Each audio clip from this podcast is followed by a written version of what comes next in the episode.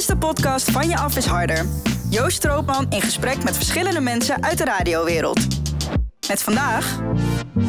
Michiel Veenstra. Van harte welkom. Dit is alweer de elfde aflevering van Van Je Af is Harder. Mijn naam is Joost Strootman en in deze aflevering is Michiel Veenstra te gast. Hij begon in de jaren 90 bij Radio 538, waar hij producer was van vele DJ's en ook te horen was in de ochtendshow The Morning Jam. In de Zero's was hij onder andere sidekick bij Adam Curry op Radio Veronica, voordat hij startte met zijn grote radiodroom presenteren op 3FM. Hij maakte de programma's met Michiel en extra weekend. Maar hoe leuk hij het ook jarenlang had bij 3FM, zijn einde ging gepaard met veel onvrede en frustratie. Tegenwoordig heeft hij gelukkig het geluk weer gevonden, namelijk als DJ een boegbeeld van Kink. Deze podcast bestaat uit twee delen. In het eerste gedeelte praat ik met Michiel over zijn begintijd bij de lokale omroep, promotie doen voor de Banger Boys van Wessel van Diepen, uitzenden vanuit Irak, uitzenden vanaf de Noordpool, extra weekend en nog veel meer. Dit is van je af is harder deel 1 met Michiel Veenstra. Welkom. Hallo. En wij zitten hier volgens mij op legendarische grond, toch? Ja, eh, we zitten in het pand waar Kink is gehuisvest. En ik denk, als, als ik jou mag ontvangen met uh, een, een, podcast waar de liefde voor de radio wordt gevierd... dan is er maar één ruimte in het pand waar we dit kunnen doen. Dit is uh, nu een vergaderzaal. Uh, maar ik heb al heel wat, wat, wat radioliefhebbers en vrienden hier eventjes moeten laten uh, rondneus. Want dit is de plek waar de Hit Radio Veronica studio zat. Dus als, als jij nu omdraait, dan heb je het uitzicht wat, wat Jeroen van Inkel had tijdens Rinkel de Kinkel in de jaren 80 en 90. En waar uh, Stennis van Inkel en Curry van Inkel zijn gemaakt. Waar Erik de Zwarte top 40 presenteerde. Ja, dit is, dit is, dit is een radiohistorie-hok. Ja, ja, precies. Dat zou je tegenwoordig niet echt meer zeggen. Ik bedoel, het ziet er wel mooi uit, maar het is ja, gewoon een mooi aangeklede kantoorruimte, zeg ja. maar beetje pijnlijk is het wel. Maar dit, de, hier hing ook altijd een heel groot bord, uh, daar in die muur. Show them where you come from. Echt zo'n zo Veronica-uitdrukking. En uh, ja, dat, dat, ik heb nog steeds wel een beetje het gevoel bij deze ruimte. Ook al zou je het inderdaad op, op uiterlijk niet zeggen. Jij begon aan het begin van de jaren 90 met radio maken. Eerst bij een piraat, daarna bij Regio FM, lokale omroep van Wierden. Ja. Uh, de regio waar je vandaan komt, uh, Twente. Wat weet jij nog van die tijd? Dat ik uh, heel, heel graag radio wilde maken. Uh, maar, wel vrij laat voor mijn idee. Ik, uh, even kijken, een jaar of 15 toen kwam ik erachter dat er een lokale omroep was in Almelo, waar ik vandaan kwam. Maar daar hadden ze een, een regel dat je 18 moest zijn voor je achter de mengtafel mocht zitten. Dus uh, toen mocht ik op zaterdagmiddag, als dan de disjockeys kwamen. En dan bijvoorbeeld op die zaterdag zat Mark Adriani, nu hoofd radio bij Talpa. Die zat daar ook in, in dat clubje. Um, en, en, dat was dan de dag dat er de disjockeys waren. En dan mocht ik een beetje de telefoon aannemen en af en toe wat koffie halen en zo. Maar ik vond wel machtig interessant. En op een gegeven moment um, waren er allemaal strubbelingen en gedoe en gezeik. Maar uiteindelijk heb ik, uh, ik geloof drie maanden voor ik 18 werd, mocht ik dan echt radio maken.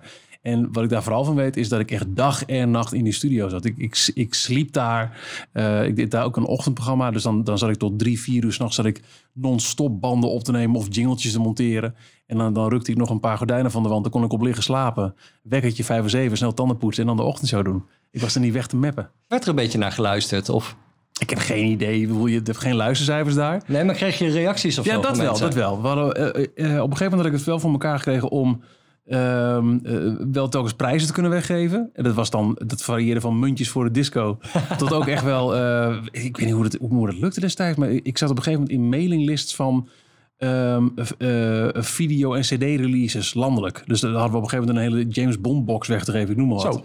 En er werd ochtends, uh, als ik dan een, uh, een, een was het, als je de haan hoort kraaien, zo'n geluidseffectje. En er werd er gelijk gebeld. Dat, dat vond ik wel tof. Ja, dat is wel netjes. Ja, dat, dat, dat, dat vond ik inderdaad wel tof. Maar de, in, op welke aantallen het was, of dat het gewoon één iemand was die gewoon heel snel belde, dat durf ik niet te zeggen. Nee, jij kwam dan uiteindelijk in 1997 bij 538. Hoe ging dat?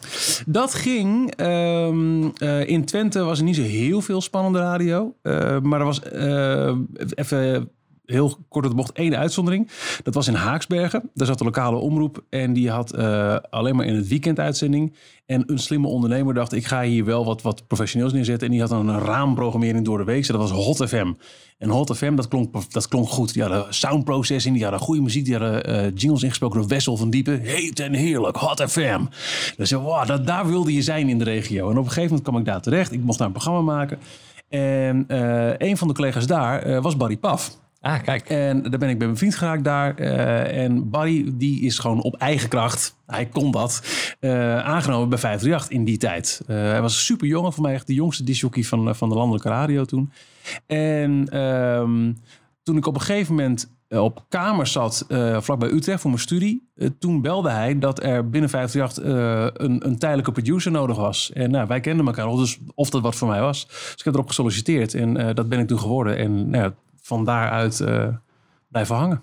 Ja, want jij hebt echt heel veel geproduceerd. In het begin volgens mij begonnen een beetje bij Rick van Veldhuizen. Ja, klopt. Daar was de eerste tijdelijke klus voor. Ja, ja hoe was dat om dan meteen aan Rick gekoppeld te worden? uh, uiteindelijk uh, even denk ik met mijn carrière opgeleverd. Uh, maar in eerste instantie was het wel poeh. Rick was een slavendrijver. Rick die kon ehm, als je hem produceerde, was het even stilzitten en, uh, en, en niks doen. Dat was er niet bij. Als er een telefoontje binnenkwam, was het... Uh, lijn 2, lijn 2, lijn 2. Je, gelijk, het, het kon potentieel fantastische radio opleveren. Je, liet geen kans lopen. Die man die zit altijd met, met, met 100 plus procent uh, inzet radio te maken. En dat verwachtte hij ook van jou als producer. En dat heeft hij gewoon, daar heeft hij ook gewoon volledig gelijk in gehad. En als ik zeg dat ik mijn carrière aan te danken heb, heb gehad. Ik was dus eigenlijk tijdelijk producer voor zes weken. En al vrij snel zag hij iets in me. Dus heeft hij uh, zich hard gemaakt bij 50 jaar, dat ik wel mocht blijven. En vervolgens voor elk klusje waarvan ze iemand zochten die um, iets, iets, creatiefs moest doen, of, of weet ik veel wat, schoof hij mij naar voren. Van, joh, ga jij dat nou maar doen? Want, uh, of je moet Michiel hebben, want die kan dat wel.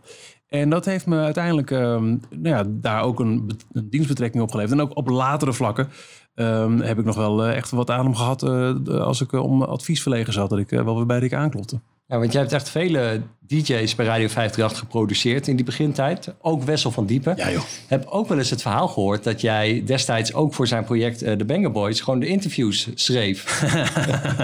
uh, Wessel deed uh, The Banger Boys en LSDJ.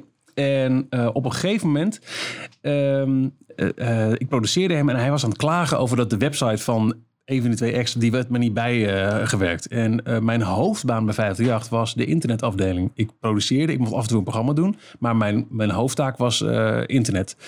En toen zei ik, nou, dat kunnen wij ook wel.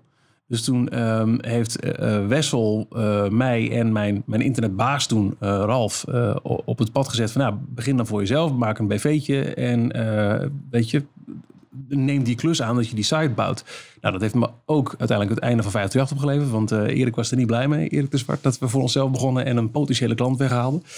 Um, maar wat het vooral heeft opgeleverd is dat het, uh, uh, het, mij zelfstandig ondernemer heeft gemaakt. Samen met uiteindelijk twee andere mensen hebben we toen Angry Bytes opgericht. Een, een internetbedrijf dat ook, want dat was dan mijn creatieve kant um, de persafdeling deed van, uh, van Banger Boys en LSDJ. En Wessel was er heel duidelijk in. Er moet elke week moet over een van de acts moet er een verhaal naar buiten. En dat kon ook echt volledig... Kon, dat was over het algemeen volledige kul. Dan stond er weer ergens in de Flair of de FIFA een overgenomen bericht dat uh, Denise van de Banger Boys eetbaar ondergoed op de markt bracht. ja, weet je, het was allemaal kul, maar het leverde wel publiciteit op. Ja, maar waarom heb jij dan toen uh, blijkbaar uh, bewust gekozen om even geen radio en echt op internet te focussen? Um, ik vond internet super interessant. Uh, ik deed de school voor journalistiek. Uh, ook nog tijdens dat ik bij 538 werkte. En uh, in die tijd had je net de eerste module dat je online journalistiek kon doen. Dus zo, oud ben ik al. en dat vond ik gewoon interessant. Ik dacht, maar hier zit zoveel in. Je, je kon zelf leren ineens publiceren online en zo. Dat vond ik heel tof. En ik vond het ook echt te gek om die 538-site een beetje ja, bij te houden. En voor het eerst subsites voor DJ's te maken. Want die bestonden daarvoor nog niet. En dat we ja, gewoon een beetje, beetje aanklooien, een beetje pionieren. Uh, qua radio liep het daar net een beetje uh, stroef. Ik, ik, ik, was ook geen, geen hoofdvlieger verder.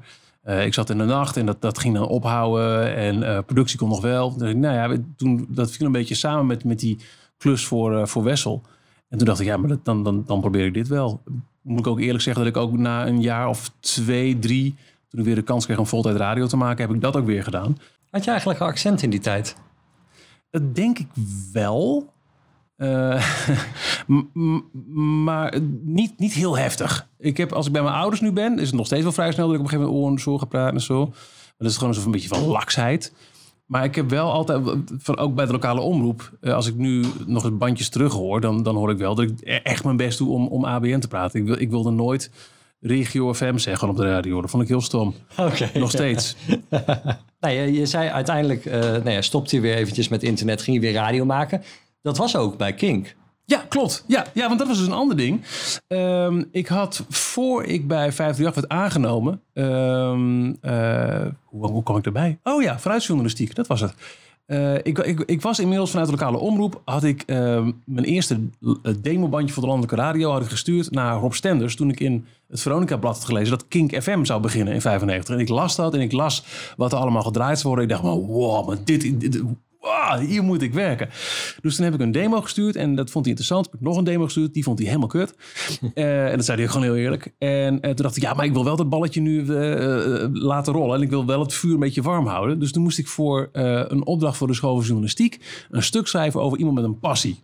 Ik, nou ja, Stenders, muziek. Ik heb weer een reden om Stenders lastig te vallen. En misschien weer eventjes bij King te mogen kijken. Maar die heeft me toen heel slim afgewimpeld en, gezegd... nou, ik heb hier nog wel iemand anders. En dat was Arjen Grolleman. Die is eh, misschien nog interessanter. Helemaal into eh, allerlei satanisme en zo. Dus toen ben ik eh, alsnog weer naar Hilversum gegaan. en bij Kink, Kink FM aangeklopt. En heb ik Arjen leren kennen. En eh, nou, dat werd A, een, een, een, werkstuk, maar B, ook een vriendschap. En eh, C, een excuus om heel vaak eh, bij Kink FM langs te komen. En ehm, ik had hier ook best graag een programma willen maken, maar dat, dat lukte niet. De Kink zat toen in een heel moeilijke periode tussen het eerste commerciële jaar en daarna een jaar met alleen maar vrijwilligers en moeilijk. En, en kon het überhaupt wel overleven? Eigenlijk de standaard status van Kink FM al die jaren. En toen kwam daarna het verhaal van 538 voorbij. Dus ik kreeg een, een baan bij, nou, bij de concurrent. Eh, dus toen verwaterde dat een beetje. Maar toen ik stopte bij, eh, bij 538, toen kwam wel gelijk... Oké, dan kunnen we nu eigenlijk eens een keer proberen om op Kink FM een programma te krijgen. En dat werd dus eigenlijk mijn, gewoon mijn hobby.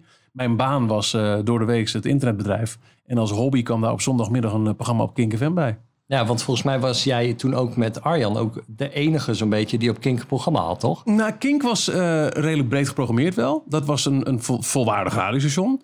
Maar wat wel vrij snel daar kwam... Ik ben in, ja, in, de zomer van 2000 weggegaan bij 538. Dus ook in oktober, laten we zeggen 2000, begonnen bij Kink. Kink FM. En eh, niet heel erg lang daarna eh, begon het balletje een beetje te rollen over eh, de verdeling van de etenfrequenties. En Jan Hogestein, toen directeur van Kink FM, die was als baas van wat er nog over was van de Veronica radioafdeling, ehm, eh, was bezig om ehm, eh, nou af te dwingen dat, dat nieuwkomers ook een kans mochten maken om in de eten te komen. En toen zei hij, weet je, ik kan me zo voorstellen dat als wij op een gegeven moment met Kink FM en met Veronica in de eten willen, dan moet Veronica wel bestaan. Radio Veronica bestond toen niet. Dus laten wij, hoe, hoe klein ook, weer een Radio Veronica optuigen. En dat is gebeurd. Dus er is een, een, een, een nieuw radiostation gecreëerd. Ehm, vormgeving ingesproken door Arjen Golleman. Ehm, studio gewoon naast Kink FM. Het was op 30% van de kabelnetten volgens mij te ontvangen. En er was één DJ, want binnen wat Kink FM was, dacht Jan, nou, er is die voor mij één iemand die dat zou kunnen. Qua 800 die ook hits kan draaien. En dat was ik dan. Dus ik werd de enige DJ op, op Radio Veronica toen. Lijkt me wel een hele gekke situatie of zo. Ja, was heel raar joh. Helemaal op het laatst. De, de beginfase was echt een klein achteraf hokje in Amsterdam, waar Kink FM toen zat. Maar toen ging Veronica naar Hilversum in het oude Avro-pand aan de Schavenlandse weg. En daar werden twee radiostudio's neergezet. één voor Kink FM en één voor Veronica. En dat was toen echt nou, top of the bill. We hadden volgens mij de eerste eh, DHD-digitale tafel erin zitten. En het was echt een waanzinnige studio. Voor één man die daar elke avond om vijf of zes met een koken en stomen maaltijd binnenkwam voor zijn avondshowtje. Dat sloeg helemaal nergens op. Dat was eh, heel raar, maar ook wel heel erg tof. En tegelijkertijd was het ook, we hebben toen, ehm, omdat de toenmalige directie van Veronica twee dagen voor de deadline besloot, we gaan niet bieden op die etenfrequenties. Dat was een heel, heel zure tijd. Maar uiteindelijk heeft het wel ervoor toegeleid dat de Sky Radio groep, die ineens een gouden oude kavel had, ehm, de naam Veronica licenseerde. En ehm, ja, de hele inboedel van wat er toen bij Veronica zat, en was niet zo heel veel, de studio en ik, konden wel mee naar het nieuwe avontuur. Dus eh, na, ik geloof, twee of, of tweeënhalf jaar alleen op de kabel, was het wel daarna ineens op de 103 FM eh, onder de Sky Radio groep. Ja, Het was wel een mooi gelukkie. Ja, ja, precies. Want daar heb jij eh, meerdere dingen gedaan. Eh, je hebt met Twan van Peperstraat een programma gedaan. Eh, je hebt ehm, een nachtprogramma gehad. Ik heb even in het archief van Beeld en Geluid gekeken. Dit was het oudste wat ik kon eh, vinden. Oh, nee, dan weten we dat eventjes. Dankjewel, John. Goedemorgen, Michiel. Zo, goedemorgen. Het is eh, tien over vier. Ehm, ik ben, eh, gisteren was ik jarig en ik heb een, zaterdag een leuk feestje gevierd. En ik heb allemaal leuke cadeautjes gehad. En gisteren nog weer een keer van mijn ouders en zo. Maar ik ben er ineens achter, weet je, je kent het wel, dan heb je je verjaardag. Of met Sinterklaas heb je altijd precies hetzelfde. Dan weet je voor de tijd nooit wat je nou exact moet vragen. En na afloop weet je meteen, oh shit, ik had dat moeten vragen. Zo bedacht ik mij vanochtend, ik had wel een nieuwe wekker mogen vragen. Want als de mijne om kwart voor vier 's ochtends afgaat, of eigenlijk niet, ik word toevallig wakker en ik zie, hé, hey, kwart voor vier. Dan is het best laat. Nou, het, eh, eh, excuses aan iedereen die ik bijna dood heb gereden onderweg naar de studio, maar ik heb het gehaald. Goedemorgen. Salut Veronica, de Scorpions. Wauw. ja, Ja, wat, wat hoor je als je dit terug hoort? ik, ik, eh, ik hoor... eh, ik kan me nog wel herinneren wat voor een paniekerige nacht dat was. Ehm, ik, eh, ik, ik, ik hoor dat ik het ben, maar ik hoor ook dat ik nog heel veel moest leren toen. Ja. Maar dit was wel... Ik werd ehm, eh, bij Radio Veronica toen eh, eh, gevraagd, hoofdzakelijk voor de productie. En dat, dat was ook weer zo'n mooi gelukje hoe het er allemaal loopt. Ehm, de programmaleider toen bij Radio Veronica was Unco Fontaine. En die had ik op het allerlaatst bij mijn uh, 538-tijd leren kennen. Hij was daar programmaleider in het, geloof het laatste half jaar of zo dat ik daar werkte. En hij had dus meegekregen dat ehm, eh, heel veel mensen binnen 538 eh, het fijn vonden als ik hem produceerde. Waaronder, eh, die daar ook net werkte, Jeroen van Inkel. Ik had een paar keer voor hem ingevallen en daar had hij wel een goed gevoel bij. Dus toen zo eh, te sprake kwam, Van Inkel zou eigenlijk de ochtendshow doen vanaf dag één. En dat er een optie was dat Michiel Veensam dat ging produceren. Toen dat, het- ja, dat wil ik wel. Dus daar binnengehaald en heb gezegd, ik zou het wel leuk vinden om een programma erbij te doen. Dat- Ik weet niet of het kan. Joh, 4, 6, prima. Ehm, eh, dus ik deed de, de, de, pre-ochtendshow mocht ik daar doen. Ik heb het altijd een beetje als een soort van bijzaak gezien of zo. Als in, dat klinkt wat gek hoor, maar ehm, ik ben er nooit echt van overtuigd geweest heel lang eh, dat ik eh, in huis had om ehm, als disjockey als belangrijkste baan te hebben. Ik wist van mezelf inmiddels wel dat produceren ging wel. Dat, dat, dat kon ik. En dat, dat, die zekerheid heb ik kunnen opbouwen doordat ik inderdaad heel voor de, de, de grote namen van 538 heb mogen produceren. Maar ehm, ik vond het wel leuk om erbij te doen, maar ik dacht niet, dit is mijn, mijn belangrijkste baan. Dus eh, je hoort hier ook echt nog iemand die aan het zoeken en aan het, aan het leren is. En eh, ja, wel de kunst kunnen afkijken van eerst een jaar Adam Curry en daarna nog een jaar Jeroen van Inkel. Ja, want dat heeft sowieso inderdaad, wat je ook zegt, best wel lang geduurd. Je won ook pas veel later, echt zes jaar nadat je bij Radio 538 was begonnen, won je de Marconi Award voor aanstormend talent. Ja. Je wist gewoon heel lang niet van, ja, eigenlijk zit er wel gewoon een DJ in mij. Nee, nou, ik vond het wel heel leuk, maar ik wist niet of ik goed genoeg voor was. Ehm, en, en dan kwam weer op wat ik in het begin zei over het ad- advies van Rick van Veldhuizen. Ik deed dus dat 4-6 bij Veronica en, en eh, ik kreeg ineens de nominatie voor die Marconi Award op mijn, eh, op mijn bordje. En ik wist niet wat ik hoorde, want ik, dat, was, dat was niet waar ik mee bezig was. Ik was vooral bezig, voor mijn gevoel, met het produceren van toen nog eh, eh, Curry and the Crew. Eh, dat was mijn belangrijkste baan. En toen kwam dat voorbij. En dacht ik, ja, shit, shit, shit. Toen heb ik aan Rick gevraagd van, wat moet ik hiermee doen? Moet, moet ik hier op, acteren? Moet ik dan toch maar kijken of ik misschien daar mijn baan van kan maken? Wat, wat denk jij? En hij zei eigenlijk gewoon heel simpel, ja. Wil je dat je later iets hebt van, had ik maar? Of ga je er gewoon voor? En dat heeft uiteindelijk er wel toe geleid dat ik, eh, eh, nou ja, heb, heb durven solliciteren als programmamaker bij, bij 3FM, bij de omroepen. Ja. Ehm, nee, eh, net al eventjes genoemd. Adam Curry, daar heb jij de ochtendshow mee gedaan. eh, samen met Alexander Stevens. Curry en de crew. Ja. Hoe was dat met Adam? Fantastisch. Ja, wat was er zo goed aan? Eh, er zijn twee eh, elementen aan Adam die, eh, wat mij betreft, hem echt one of a kind maken. Hij, hij is een ster. Als hij binnenkomt, dan merk je gewoon, dat, heb, hebben ook sommige mensen gewoon, dan komt er een ster binnen. En niet op een manier van vervelend en, en, en dat hij zichzelf veel te belangrijk vindt of zo, maar als in dat hij, ehm, eh, hij heeft een soort van, van, van charisma met zich mee. En het, is, dat is een fijn iets om in die aanwezigheid te zijn. Maar eh, daarnaast, en misschien nog het belangrijkste, hij is super professioneel. Ehm, we hebben eh, twee waanzinnige dingen gedaan met Curry de Crew. Ehm, met als absolute hoogtepunt een reis naar Irak, waar we een week lang hebben uitgezonden. En hij was daar, en dit was 2004. Eh, met een MacBook heeft hij allemaal filmpjes gemonteerd... die we dan weer via satelliet konden uploaden naar SBS Show News. En dat, dat deed hij allemaal zelf. Ook de, de hele reis daar naartoe... Ehm, hij legde het contact met het ministerie van Defensie. Hij zorgde ervoor dat de persfoto's werden gemaakt. Hij had alle regie in handen. Dat deed hij fantastisch. Dus dat was heel leerzaam. En ook op dagelijks niveau. We hadden elke dag een, eh, een eh, B- of C-N'er te gast. En als die binnenkwam, was het... Hoi, koffie, ga maar zitten. En het devies van Adam was altijd... Save het voor de show. We gingen nooit gezellig even kletsen van tevoren met die persoon... zodat het puur bleef tot in de uitzending.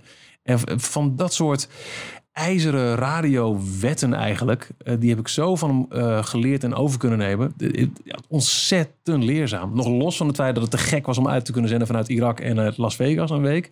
Was vooral het, werken met zo'n held. En ook nog een jeugdheld voor me. Want ik zat echt als klein jongetje vroeger naar Countdown te kijken. Wat hij representeerde. Ineens werk je samen met Adam Curry.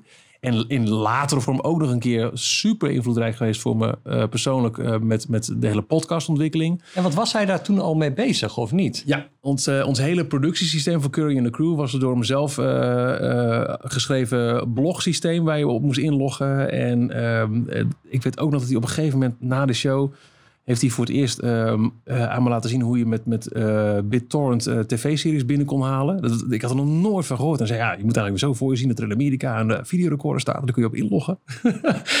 hij, heeft, hij heeft mij zoveel digitale wijsheid ook weer bijgeleerd. Ja, je zei net al eventjes, uitzenden vanuit Irak. Dat was natuurlijk heel bijzonder Ja. om daar vandaan. hoe was dat voor jou toen?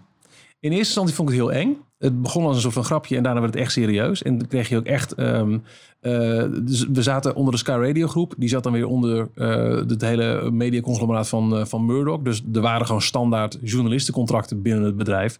En die moest je dan tekenen. En dat stond dus ook al mee wat er gebeurt. Ja, als er een, een arm of been wordt afgeschoten. Het was natuurlijk niet geheel zonder risico. Ehm, en ook de politieke mening ervan. Want eh, ehm, de oorlog in Irak, die eh, toen plaatsvond, was eigenlijk onder valse voorwenselen was die, eh, begonnen. Hè? Er waren valse bewijsstukken in, in de United Nations gepresenteerd. Wil je daar dan aan bijdragen?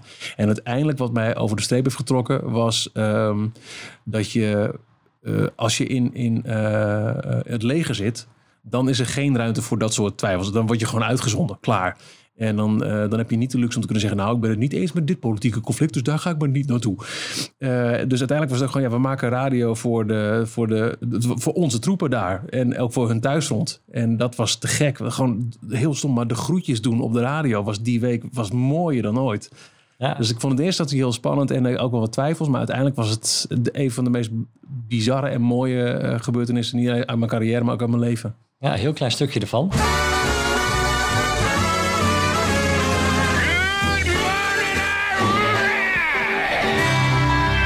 In Irak klinkt, eh, klinkt toch wel erg fijn eh, in de ochtend. Can't Damn Those Eyes, het is 16 minuten over 6. Ook goedemorgen. Het is Curry and the Crew live vanuit eh, Camp Smitty in eh, Irak. En eh, wat een leuke verrassing eh, dat we hier net inlogden op het, eh, op het internet... om de eh, Telegraaf-site te bekijken. En eh, jawel, daar staan we. Eén kleur. ja, precies. Goedemorgen, Michiel. Hallo. Alexander. Uh, Arend, goedemorgen.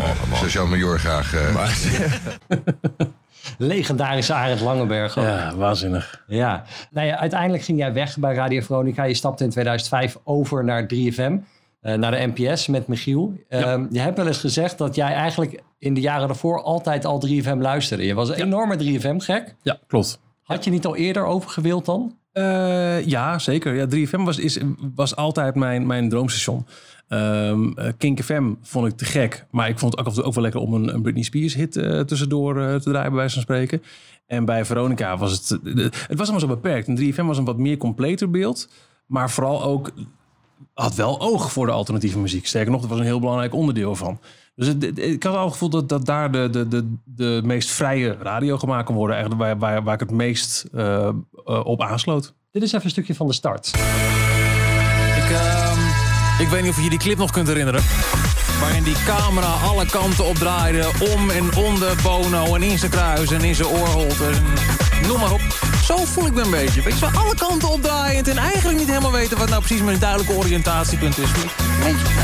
Laten we het gezonde zenuwen noemen. Even better than the real thing, YouTube.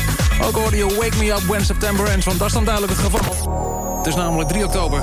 Het begin van een nieuw tijdperk. Oh ja, lichtelijk overdreven misschien. Maar goed, het is het einde van de Sander Show. Dat was het eigenlijk al anderhalf eh, week geleden.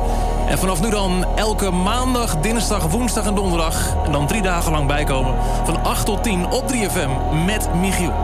Ik ga zo meteen alles uitleggen wat erin gebeurt, want er gebeurt heel veel. We hebben een singlestrijd, we hebben een popquiz, we hebben eh, het laatste popnieuws. En, en dat is wel heel erg tof, en daar zal ik je zo meteen ook alles over vertellen. Het laatste half uur is de zender helemaal voor jou, want dan gaan we alleen maar requesten. En natuurlijk, dat is altijd wel mooi meegenomen, fijne muziek. Dit is bijvoorbeeld de nieuwe Katie Tunstall. Wauw. Ja, de allereerste met Michiel. Wauw. Te gek. Ja, op een eh, prominent tijdstip wel. Hè. Die avond van 3FM, heel belangrijk Ja. voor de huiswerkmakende jongeren. Stond jouw programma eigenlijk meteen vanaf het begin of duurde het wel eventjes? Het heeft heel lang geduurd. Heel lang zelfs. Ja, ja. Ehm, en dat, dat, dat heeft ook weer met, met, met mijn eigen twijfels te maken, denk ik. Sowieso is wel, misschien wel een leuk verhaal. Want je zegt prominent tijdstip. Maar dat is ook echt een masseltje geweest. Eh, eh, ik, ehm, dus ik won die Marconi Award. En eh, toen ben ik zelf op een gegeven moment gaan zeggen... nou, ik wil eigenlijk wel naar drie. Contact met, eh met Florent Luiks, toen de, de zendermanager. En later, vertelde hij me op de dag dat hij wegging... Jaren later had hij, naar aanleiding van het feit dat ik die Marconi Award eh, eh, had gewonnen, had hij allemaal demo-cd'tjes onder de omroepen. Jongens, als je een keer een gaatje hebt, moest je Veenstra misschien eens overwegen. Ehm, uiteindelijk bleek er een gaatje, ehm, ook weer 's ochtends tussen 4 en 6, dus ook wat ik bij Veronica zat, bij eh, de NCRV. En dan zou ik ook ehm, Bring It On erbij gaan doen op de zondagavond van 6 tot 8. Dus ik moest een dag extra werken, maar nee, daar was ik wel bij drie binnen. Top, doen we. En ehm, ik zou daar een contract vertekenen bij de NCRV. Alleen de persoon die erover ging was toen net met vakantie. Dus heb ik een intentieverklaring gekregen dat ik wel op tijd kan opzeggen bij Veronica.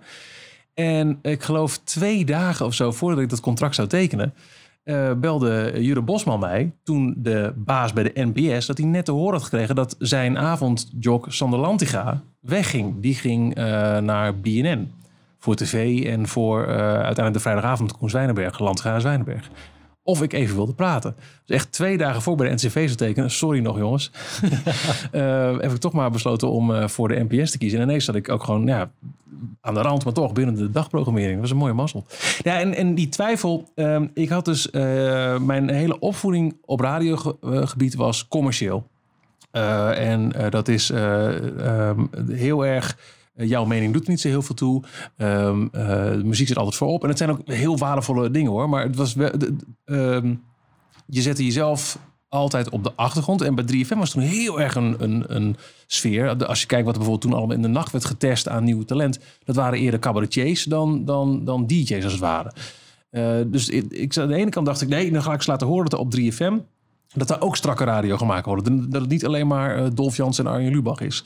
Eh, en dan was weer een fase dat ik dacht, nee, ik moet heel erg een persoon zijn. Dus ik was heel erg aan het zwabberen van wat ik nou was en wilde. En, eh, en dat heeft echt wel een paar jaar geduurd voordat ik daar op een gegeven moment een vorm in had gevonden. Dat ik dacht, oké, dat het echt een mix van was tussen en heel veel muziek en ook wel strakke radio. Maar dat ik ook wel wist eh, dat ik Michiel kon zijn tussen de strakke dingen door.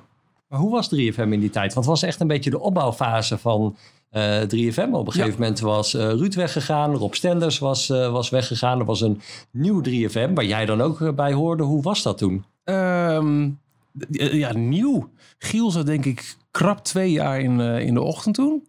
Niet veel langer. En het, het, je hebt wel eens van die, van die oude Facebook-herinneringen die je dan ziet. En eh, mijn, mijn Twitter en zo werd, werd allemaal doorgezet naar Facebook toen. Dus dan zie je dus die tweets van zoveel jaar geleden. Wow, 6% marktendeel. Was, was echt toen, eh, we begonnen echt te klimmen toen. Ehm, en eh, het, het mooie was vooral ehm, dat het gebeurde zonder dat het doel was. Er werd eh, radio gemaakt op een manier dat wij dachten... ja, wij vinden dit zo leuk. En ehm, als er een megahit werd gekozen, dan was het niet... Ja, soms was er ook wel eens een strijd, maar het was ook heel vaak juist dat, dat, dat je binnenkwam op eh, woensdagmiddag half twee bij DJ overleg. En dat je eigenlijk wist, oh, heb je die nieuwe... Ik ben Mika Grace Kelly, die was er net uit. Nou, dat, was het kortste overleg ooit. Want die hadden we net die week gekregen. Iedereen, wat? En het, er was, ehm, het was een heel homogene groep van, van muziekliefhebbers eh, en, en radiomakers. En ehm, wat ik zeg, het, het, het groter worden om het groot worden is nooit het doel geweest. Maar er werd ge- gemaakt vanuit een gedachte van... wij willen zo radio maken. Dit, dit lijkt ons zo te gek. En dat was ook met, met heel veel geëxperimenteer. Bijvoorbeeld in, in de Freaknacht waar Giel en Gerard eh, zaten. Daar gebeurden ook dingen die gewoon echt heel slecht waren. Maar er werden ook dingen ontwikkeld zoals de beeldjingles en allerlei andere zaken... die dan later weer werden gebruikt voor de tv-registratie van het Glazen Huis. Dus er werd gewoon door heel veel te kloten en, eh, en, en aan te modderen werd het wel steeds mooier. En dat vond ik het mooie ook wel van, van 3FM. De wa- die ruimte was er. Bijvoorbeeld eh, Koen en Sander show als middagprogramma... was het eerste anderhalf jaar echt niet zo heel erg goed. Ze hebben echt ook een, heel, een hele batterij aan, aan producers toen er doorheen ge, versleten eigenlijk. Want ze zochten, maar, maar wat is nou, wat maakt dit nou? Maar die ruimte was er wel. Weet je, er zullen echt wel zenders zijn geweest... die, die na een jaar Koen en Sander show gezegd... nou, doen we niet meer. Maar ze kregen die ruimte om uiteindelijk uit te groeien tot nou ja, het powerhouse wat het nu is. In 2007 ehm, ja, schreef jij radiogeschiedenis door voor het eerst vanaf de Noordpool uit te zenden onder de titel Noordpool FM. Toen jij het idee bedacht, hoeveel mensen hebben je toen gek verklaard? Eh, best veel. Ehm, maar uiteindelijk, en dat vond ik het, het allermooiste, ook heel veel mensen zeiden, ja, gaan we doen. Ehm, het, het was ontstaan uit een, eh, een interview dat ik had eh, richting Lowlands. Eh, in mijn programma besteden we niet alleen aandacht aan de muzikale invulling, maar ook het theatergedeelte en het literaire gedeelte en ook het wetenschappelijke gedeelte. En ehm, ik had in het kader van het laatste onderdeel een poolreiziger te gast in de studio. Die ging op Lowlands vertellen over zijn, zijn eh, reis naar de pool. En dat was helemaal klimaatgerelateerd. En die man die greep mij. Eh, Marco Nelissen was zijn naam. En vandaar dus het idee ontstaan, kan ik niet een keer met jou mee? Want hij nam elk jaar studenten mee naar de Noordpool... om met eigen ogen te zien wat klimaatverandering doet. Ik vond het zo interessant. En ehm, hij zei, dat is goed... Maar ik wil niet dat het zoveelste snoepreisje wordt. Dus ik wilde wat jij moet doen, zegt hij, is dat je digitaal 10.000 handtekeningen verzamelt. Van mensen die zeggen, ik wil dat jij dit doet om dit op de kaart te zetten. En dit was voor, voor Twitter, voor de Hives, denk ik ook niet eens. Nou, dat, dat zal er wel zijn geweest. Maar Ja, jawel toch? ja, de Hives wel. Je kon niet even makkelijk eh, via Twitter of Facebook een oproep doen van, joh, teken dit even. En het is toch gelukt. En, eh, eh, dus ik had het gevoel dat er meer steun was dan, de, dan de gekverklaringen. Nou, gelukkig. Ja, gelukkig wel. Het was natuurlijk wel eh, echt heel eh, bijzonder. Even een eh, klein stukje. Noordpool FM. Noordpool FM, dagboek, dag 5, vrijdag 27 april. Dit geluid hebben we al veel vaker gehoord deze week. Maar dan was het van sneeuw met daaronder hoogstwaarschijnlijk wel een laag ijs. En daaronder het vasteland van Spitsbergen, eigendom van Noorwegen. Nu is dit geluid het geluid van sneeuw met daaronder veel meer ijs. En daaronder internationale wateren, de oceaan. We staan op de Noordpool. Het einddoel van de missie in topografische zin is bij deze bereikt. Heel bijzonder was dat toen. Ja. Ik heb het toen echt eh, geluisterd ook allemaal. Het was, het was heel bijzonder om naar te luisteren. Ehm, het verhaal is al vaker verteld. Het staat ook in het boek dat je over Noordpool FM hebt geschreven. Maar kun je nog één keer het verhaal vertellen over Michael Steur en de aggregator? Want bijna was het volgens mij allemaal niet doorgegaan, toch? Ik kreeg een paar weken geleden nog weer een appje van hem. er was één bedrijf. Ik, ik vergeet gelukkig telkens de naam. Maar als ik één keer op zoek op het, eh, het appje, dan heb ik hem zo weer te pakken. Ja hoor. Even kijken. eh Kune en Nagel. Die zouden de, de apparatuur eh, versturen naar Spitsbergen, waar we zouden uitzenden. Michael en Siep, Siep Verwer, de technicus, die waren een week eerder dan de rest van het team. En dat was dan Marisha, mijn producer, en Jurre, de baas. Maar die ook voor School TV, wat hij presenteerde, daar reportage ging maken. Gingen zij daar naartoe om alles op te bouwen. En ehm, de apparatuur kwam gewoon veel te laat aan. Eh, op het aller, aller, allerlaatste moment, echt, toen waren wij al binnen, toen was nog niet alle- alles eh, aangekomen, is het rondgekomen en stond de apparatuur. En na een nacht doorwerken hadden we voor de eerste uitzending eh, de studio. Maar ik heb hier van eh 10 juli, oh, eh, dus eh, nou, dikke maand geleden stuurde hij me deze foto. Dat hij in de auto zit en dat hij achter zijn kune een nagelvrachtwagen rijdt en nog even een middelvinger opsteken. dat zat heel diep. ja, dat was, dat, dat, ik weet ook nog, want het haalde toen ook weer ergens eh, een, een, een, een, een radiofreak of een, of een ander nieuwsding. eh uitzending op losse schroeven. Ik dacht, ja, dat mensen denken dat het nep is. eh, omdat het verhoogt de spanning. Maar we zaten erg van, we zitten hier zo meteen echt voor de katsenviool eh op Spitsbergen. We kunnen niks doen. Nee. Maar gelukkig is het allemaal goed gekomen. Ja, ja, ja, gelukkig inderdaad maar. Eh, 2007 was voor jou sowieso wel een bijzonder jaar. Je maakte ook het debuut in het Glazen Huis. Wel echt een droom volgens mij ook Ja. die uitkwam. Ja, zeker. Dat is, d- daar sta ik nog steeds achter. Bestaat niet meer. Maar ik denk dat het glazen huis eh, in de jaren dat het bestond... Het, het mooiste wat je... en het hoogste, denk ik, wat je kunt bereiken binnen het vak als radiomaker. Ja, want het was sowieso wel een bijzondere editie. Je zat erin met Gerard Ekdom en Rob Stenders. Niet alleen jij maakte je debuut, maar Rob ook. Ja. Ehm, en er was van tevoren wel, ook intern weet ik nog wel, echt wel wat gedoe over. Want ja, Rob... Komt hij wel? Ja, nee, ja, precies gaat hij dat doen. Rob Stenders de hele week opgesloten in een huis waar hij aangegaapt wordt door mensen. Ja. Ja, het klinkt niet heel erg als Rob, maar hoe was die week uiteindelijk? Het was te gek. Ehm, eh, ik heb het ook wel een paar keer best wel moeilijk gehad. Want Gerard en Rob kennen elkaar al heel erg lang. En, eh, en dat is niet omdat zij dat zo uiten. Maar ik voel me af en toe een beetje eh, het derde wiel aan de wagen. Eh, maar dat was meer ook weer mijn onzekerheid, weet ik nu. Eh, maar wat ik bijvoorbeeld ook weer heel tof vond, ik kende Rob dus niet zo heel erg goed. Eh, Ik kende wel heel veel verhalen over hem. Dat het af en toe een moeilijke man kon zijn. En ik kende hem als radioheld, dat wel. Ehm, maar wat ik nog steeds als een heel bijzonder moment in mijn hoofd heb zitten van, van die week. Op een gegeven moment merkte hij, dat was in de nacht. ehm, hij draaide en ik was aan de beurt, of andersom. En Tiny Dancer van Elton John werd aangevraagd. En prachtig nummer. En ehm, eh, op dat moment kwam Rob erachter dat ik dus ook dat een prachtig nummer vond. En even naar voren, laatste dag. Eh, inmiddels, dit was de eerste keer dat er een groot podium stond in Den Haag. En eh, de regie van tv was helemaal daarmee bezig. Ellen Clark stond op te treden, weet ik veel. En er was niet zoveel zicht meer op wat er in het glazen huis gebeurde.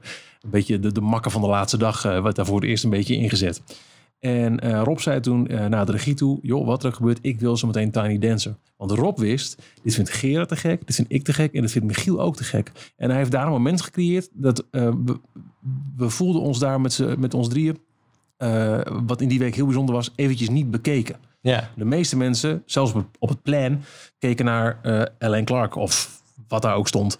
En ehm, wij hadden echt eventjes als afsluiting van die week een moment voor onszelf met een, een nummer dat we gewoon heel erg mooi vinden. En eh dat was eh, de- ja, een, paar blikken die elkaar kruisten en, en, en dat, dat werd daar een soort van bezegeld of zo. En dat, dat heeft hij daar onthouden, heeft hij daar toegepast en dat was, dat was te gek. Want jij maakte toen al met Gerard Extra Weekend, toch? Eh, ja. Ja, klopt. Ja, dat was een jaar na mijn debuut bij 3FM begonnen. September 2006. Hoe vaak word jij nog door mensen op dat programma aangesproken? Eh, ik weet inmiddels eh, eh, dat het, het geldt net zo hard voor Gerard, maar ook voor, voor Chitsen. Chibba Chispa. Nou ja, dagelijks is wat veel. Maar ehm, ja, constant. Dat is nogmaals niet dagelijks. Het is niet bij de supermarkt of zo. Maar ehm, als je bijvoorbeeld op de radio nog eens een liedje draait... wat, uit, wat daaraan aan, gelieerd is, dan komt het weer voorbij.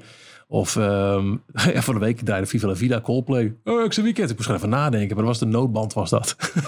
Wij hadden het zelfs vorige week. Er was de- iets met het reclameblok. En toen openden we gewoon het uur met Coldplay Viva la Vida.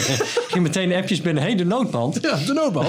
ja, is dat. Ja, en, en als je een, een publiek iets doet, hè, dus stel dat je ergens staat te draaien, nou dat is dan nu eh, anno COVID-19 wat minder, maar eh, dan is, eh, oh ja, extra weekend, dat was mooi, ja, dat is mooi. Ja, dat, komt nog heel veel terug. Ja. Maar wat maakte voor jou, volgens jou, het programma zo legendarisch?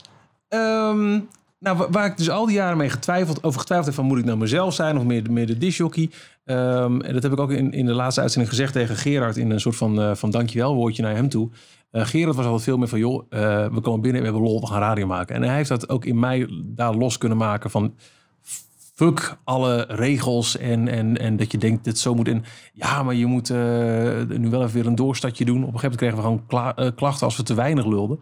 En Gerard heeft een soort van dat in mij kunnen, kunnen, kunnen eh, wakker maken en, en, en naar buiten laten gaan van laten we gewoon lol maken. En daarnaast hadden wij gewoon een klik. En dat is ook precies de reden waarom het programma is ontstaan. Wij zaten in het DJ-overleg op een gegeven moment zo vaak te, te, te klooien en te ginnegappen. Dat uh, nou ja, Florent Luijks, dus de zendermanager, echt wel eens af en toe als een leraar zei... Oké, wat was het laatste woord wat ik zei? dat hij zegt, nou, probeer maar eens wat met z'n tweeën. En uh, die klik en het feit dus dat, dat, dat ik daar het comfort voelde... Uh, dat, dat, als ik puur naar, naar mijn eigen uh, beeld daarvan kijk... en dat, dat, zal voor Gerard wellicht ook zo zijn... maar dat ik daar echt de vrijheid had om met Gerard en met Chitsen daar gewoon te doen waar we zin in hadden. En ik denk dat dat dan de kracht is geweest of zo. Maar wat vond jij het leukste fragment uit al die jaren extra weekend? Heb je even? Uh, ik denk het meest bijzondere fragment. Oh nee, god, was ook nog. Anthony Kameling, maar dat was niet het leukste. Um, we hadden op een gegeven moment een, een soort van running gag. Dat als uh, uh, je moest een bekende Nederlander raden in de voice lift. Dat was een, een, een, een een effect over een stem heen gegooid. Moest je raden wie het was. Nou, niet te doen. En er belde altijd iemand. Het was elke week iemand anders. Die zei, is het Ron Brandsteder? Ron Brandsteder, kom je daar bij? En op een gegeven moment ontstond het geintje dat ik dan op de gang ging kijken of Ron toevallig op de gang zat. Want dan kon hij zeggen of hij het was. En dat, dat, dat viel namelijk samen met het feit dat, dat Gerard heel goed die hijgende lach van Ron kon nadoen. Dus ik kan het niet. Dus wij zijn echt die astmatische lachen. Ron, ben jij het? En dan, nee, oké, dankjewel. Nee, het is geen Ron. Ah, oh, wat jammer nou. Nou, hè, doei, doei. En op een gegeven moment was dat weer zo. En ik doe die deur open. Staat Ron Brandstede daar. Chits had dus echt eh, hemel en aarde bewogen. Die man moest er niks van weten in het begin. Die dacht, ah, ik word in de zijk genomen. Maar eh Chits had het voor elkaar gekregen dat Ron Brandsteder op de gang stond. En ja, er zijn er voor mij nog wel beelden van. Ik weet niet of er nog steeds online staan. Het is allemaal al afgehaald volgens mij. Maar dat ik dus die deur open doe. Ja, ik schrik me helemaal. De, de, de dat Ron Brandsteder daar staat. Ja, dat snap ik. Ja, de beelden staan online en de audio die heb ik. Ja, met Simon. Oh, Simon. Hallo. Simon! Hey, Ja, Simon, Ja. zeg het maar hoor. eh Ron Brandstede. Nee. Hoe kom je daar nou bij? Ja, ik hoor het recht in. Je hoort het er zelfs in. Echt waar? Ja, Nou, dat kan toch niet...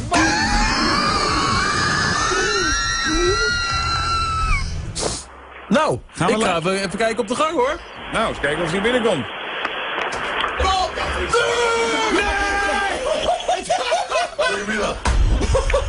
En wat was de vraag?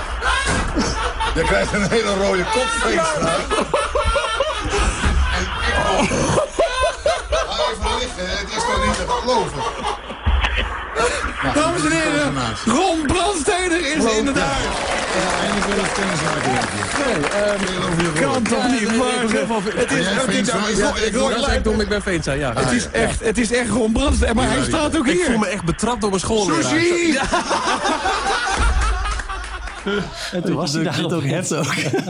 Lijkt me afgesproken werk dit. Niks is minder waar, mensen. Nee, nee, nee, zeker niet. Ja, ik heb er eh, nog een paar, wat, wat ik ook heel leuk vond. Eh, het meest legendarische item, denk ik, was toch wel uit het raam. Ja. Gewoon super simpel. Ja.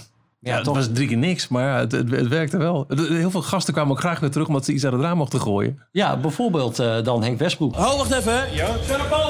Hij mag. Het is, eh, alsjeblieft, het is een zogenaamde tweehandige gooi. Daar komt hij, 1, 2. Heerlijk, weer een stukje verleden kwijt.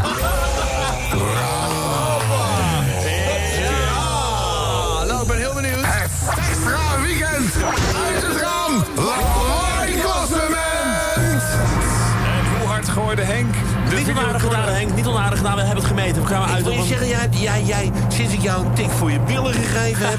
voel, proef ik toch iets van een onsympathieke ondertoon in jouw stem. als je tegen helemaal niet. Jawel, Hè, gewoon heel naar mannetje. Gewoon vraag. Even knuffelen dan, hè. Oké, oké, even knuffelen. Nou, god. Oh, Je moeten... Nou, zo. En weer een tik op zijn reet. Henk, Ja. Jimmy, dit is de avond van je leven, dit. Ik moet je jongen, eerlijk zeggen, als je dat... Als je, ik, bedoel, ik, ik ben zelf helemaal niet van de SRM, maar... Ik, moet, ik, zeg, ik heb toch weer wat opgestoken. Misschien moet ik mijn- Ja, ik toch wat verbreden. Je hebt heel wat opgestoken, zie ik. Er staat gelijk een tent. Het allerergste is, als ik die dingen hoor, moet ik echt zo, zo hard lachen. Ja, ik zie het ook meteen. Maar dat is toch hartstikke leuk. Het was ook echt wel hele leuke en bijzondere radio. Hoeveel gedoe hebben jullie hier met de NPO mee gehad? Eh, een paar dingen. Het, het- uiteindelijk viel het wel mee. Maar het hele idee bijvoorbeeld van, eh van Shanna Paul was dat er op een gegeven moment waar, dit, dit ontstond, dat uit het raam. Dus we gooiden elke keer eens naar beneden. En binnen twee of drie weken was dan toch eh, ja, iemand van gebouwbeheer had geklaagd. Want ja, wij zaten met de studio een beetje pal boven de, de in- en uitgang van, van de Paperbus, het studiogebouw. Dus als wij eens naar beneden flikkeren en er toevallig net iemand zei, prettig weekend. En die buiten. Dan kon hij een printer op zijn hoofd krijgen. Dus ja, dat mocht dan niet. Ja, ja, ja maar het, net, het was net zo leuk. Nou, weet je wat, als je dan de beveiliging belt, dat die dan eventjes ervoor zorgt dat er niemand in of uit gaat, dan kan het allemaal wel. En de eerste keer dat wij de beveiliging belden, zat er een in Jan Paul. En, en wij, we stonden Jean Paul. Dus vandaar, daarna werd elke beveiliger Jean Paul. Dus dat was een ding. En eh, op een gegeven moment hebben we ook wel gehad dat een vaatwasser was te erg, want dan zou de stoep beschadigd raken. Dat kon echt niet. En ehm Chits heeft ook nog een keer heel veel gezeik gehad toen hij een kameel het, eh, het pand in wilde krijgen. Dat paste niet door de tourniquetjes. Sindsdien is er een, een, nog steeds een huisdierverbod in de peperbus. Nou, dat is wel leuk. Dat je, ja, het, lijkt echt afgesproken werk, maar dat is het niet. Want ook die heb ik. Geer! Wat? Er is visite voor je. Wat dan? Nee, joh. Er is visite voor me. Ja, dit kun je checken via NO1 TV. Een kameel! Daar sta je fucking kameel. Yes!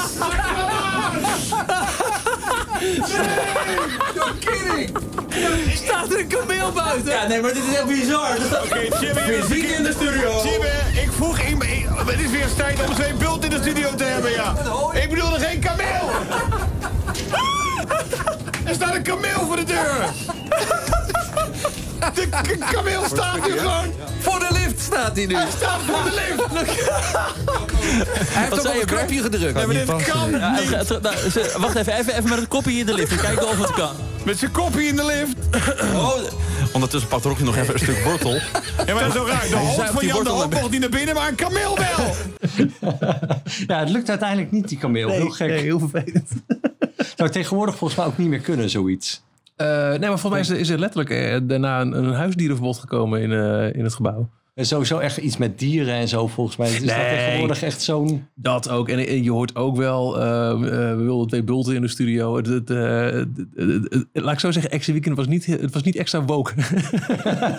Nee, dat zeker niet. Maar heb, je, heb jij wel eens in die tijd... Want het, het was in het begin NPS. Het is toen NTR geworden. Wat wel een taakomroep was. Ja, ja, ja. De, de allermooiste waren de, de, de videomontages elke week. Die eindigden in de Polonaise en dan een beeld NTR brengt cultuur. En jullie stopten er uiteindelijk mee in 2013. Waarom was dat? Wat was voor jullie echt de reden om te zeggen van... ja, nu is het wel genoeg?